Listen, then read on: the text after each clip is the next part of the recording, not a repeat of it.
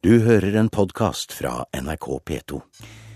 Til helgen samles Fremskrittspartiets landsmøte, og kamp mot bompenger er en av sakene partiet vil markere seg på før valget, programleder i Politisk kvarter, Per Arne Bjerke. Bompenger er moderne landeveisrøveri, sier FrPs Bård Hoksrud, og møter Knut Arild Hareide til debatt.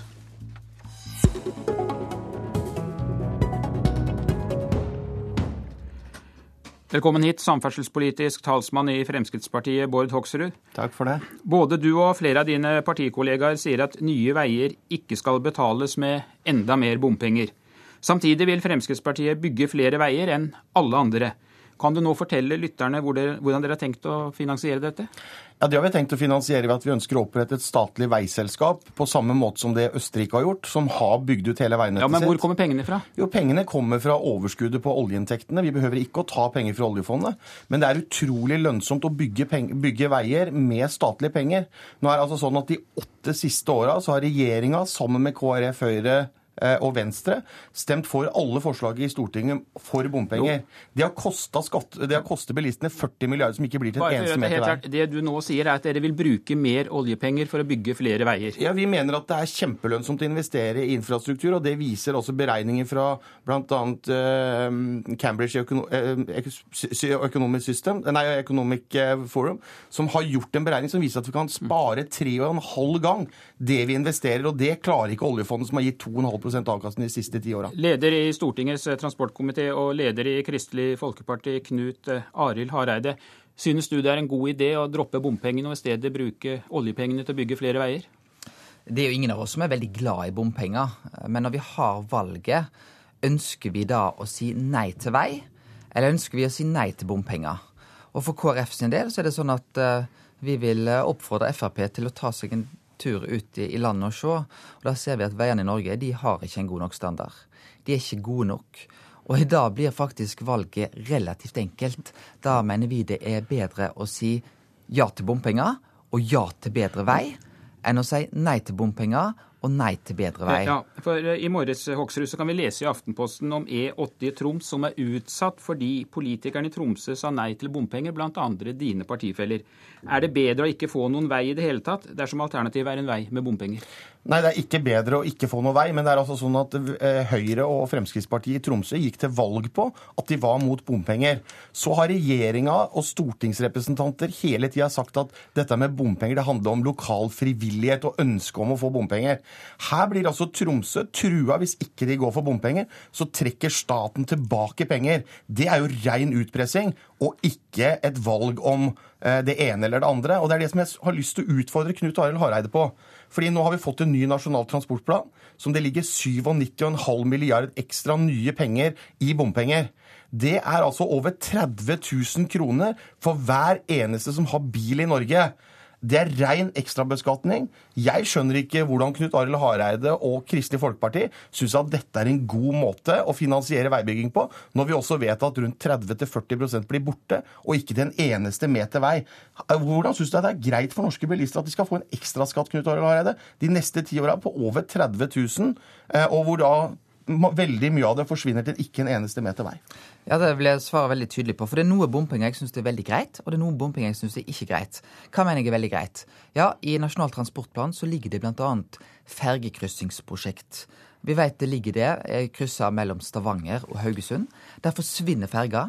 Det vil si at eh, når det da kommer en tunnel der, så vil bilistene oppleve at det er litt dyrere enn det var å ta ferga, men de sparer tid. Og Da tror jeg de syns det er veldig greit å betale bompenger. Jeg syns òg det er veldig greit med bompenger når vi nærmer oss store byer der vi vet at det er for stor trafikk, eh, det er lange, lange køer. Og bompengene har en avregulerende effekt òg på trafikken. Der syns jeg det er veldig lite problematisk. Så syns jeg det er mer problematisk på det som er statens sine hovedveier. Eh, og der syns jeg det er blitt for mange bompengestasjoner eh, på, på mange strekninger.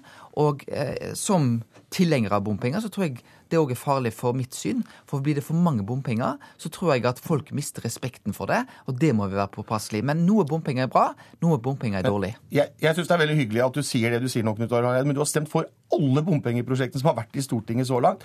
Og jeg er redd for at du kommer til å stemme for alle de som kommer. Så jeg håper Men- at du ja, nå, kommer nå til kommer til å følge opp det du sier, Nei, sånn at vi kom- reduserer antall bompengeprosjekter. Jeg kommer til å stemme for, hvis valget står for meg mellom en ny og bedre vei, eller da å si ja eller nei til bompenger. Vi Da er har det penger viktigere til begge for- deler. Men, ja, eh, det- det, For å si det sånn, for å sitere Gunnar Stavrum, sjefredaktør i Nettavisen, han sier det veldig treffende. Han sier Fremskrittspartiets budsjett er like realistisk som å vedta pent vær og oppheve tyngdeloven.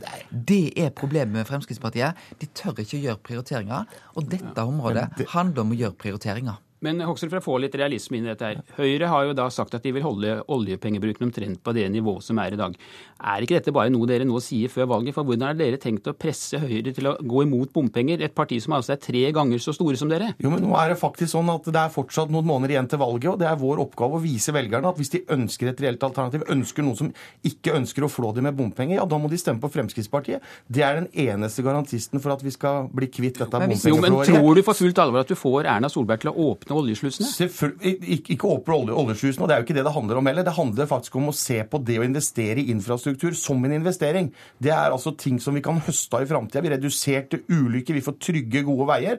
Det er kjempelønnsomt for samfunnet, istedenfor å plassere i aksjer i utlandet eller obligasjoner i utlandet, som gir mye lavere avkastning enn å investere i infrastruktur. Knut Arild Hareide, du skal også være med på eventuelle regjeringsforhandlinger hvis det blir borgerlig flertall. Dere har noen ganske krevende øvelser foran dere. Ja, men jeg har, jeg har full respekt for det som er Fremskrittspartiets standpunkt i denne saken. Og vi skal ikke forhandle her.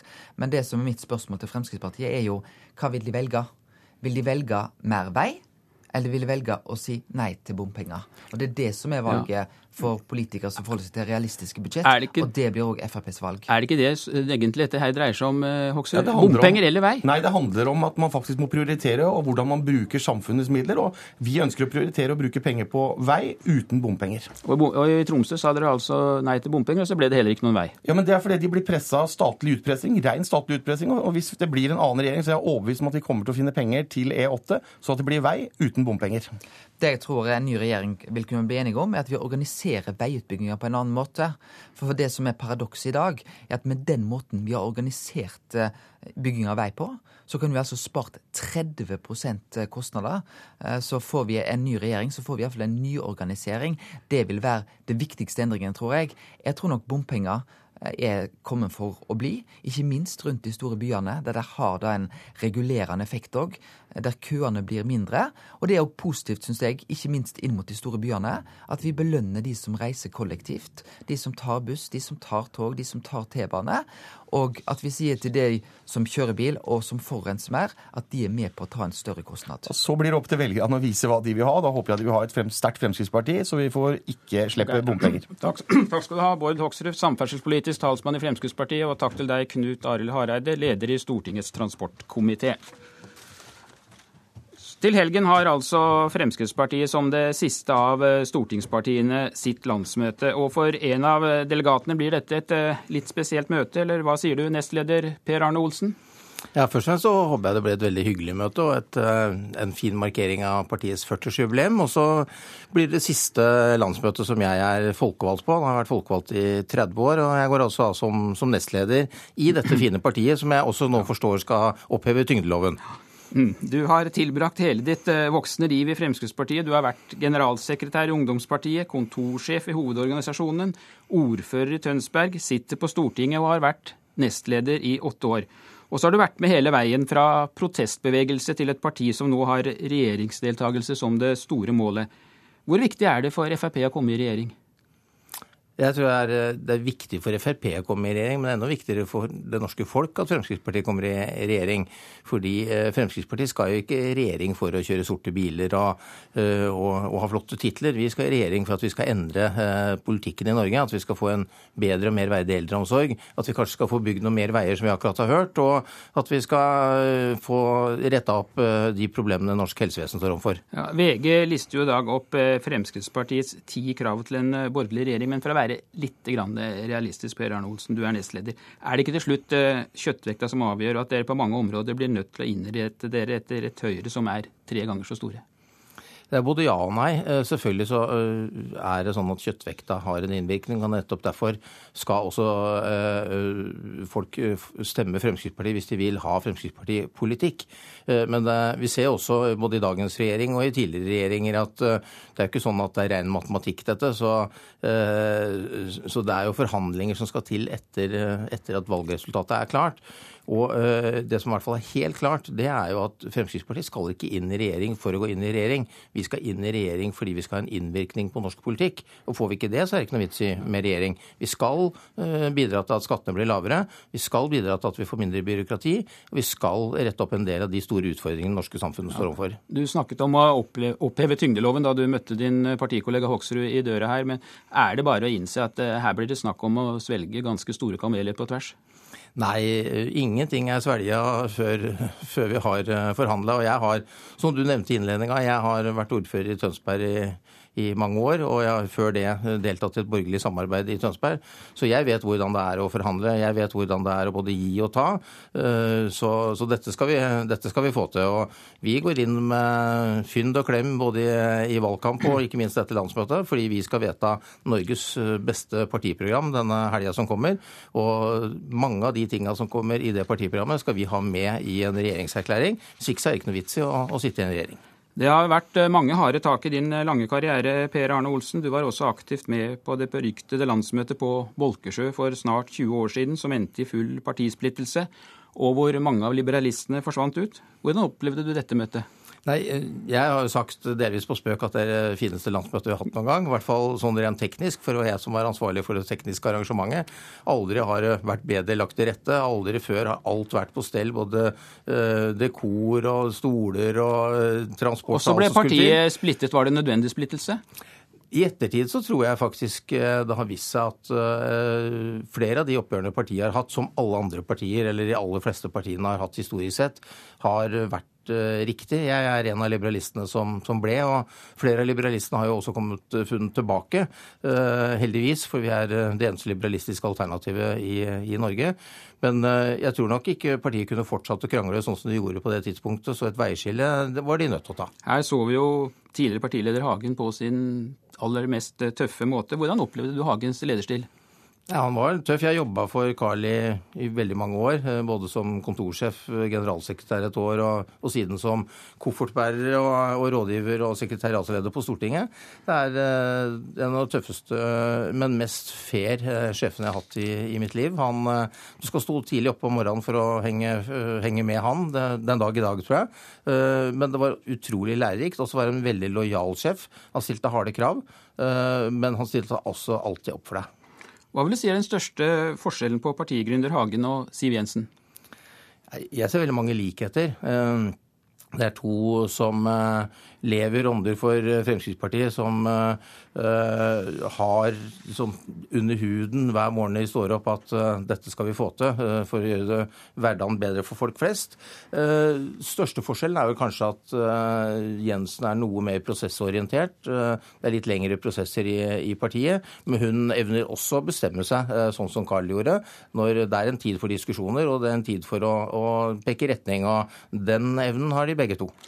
Du er organisatorisk nestleder. Hvordan forklarer du at dere har mistet hvert femte medlem, og at dere nå bare har rundt 10% på de siste meningsmålingene?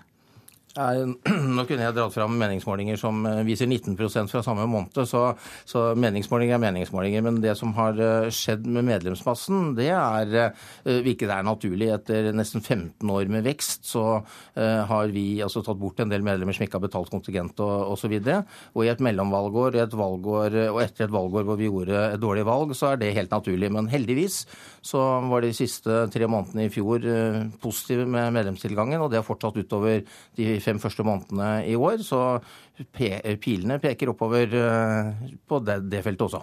På søndag går du altså av som eh, nestleder etter et helt liv i politikken. Om noen uker så er det også slutt på Stortinget. Hva skal du egentlig gjøre for noe?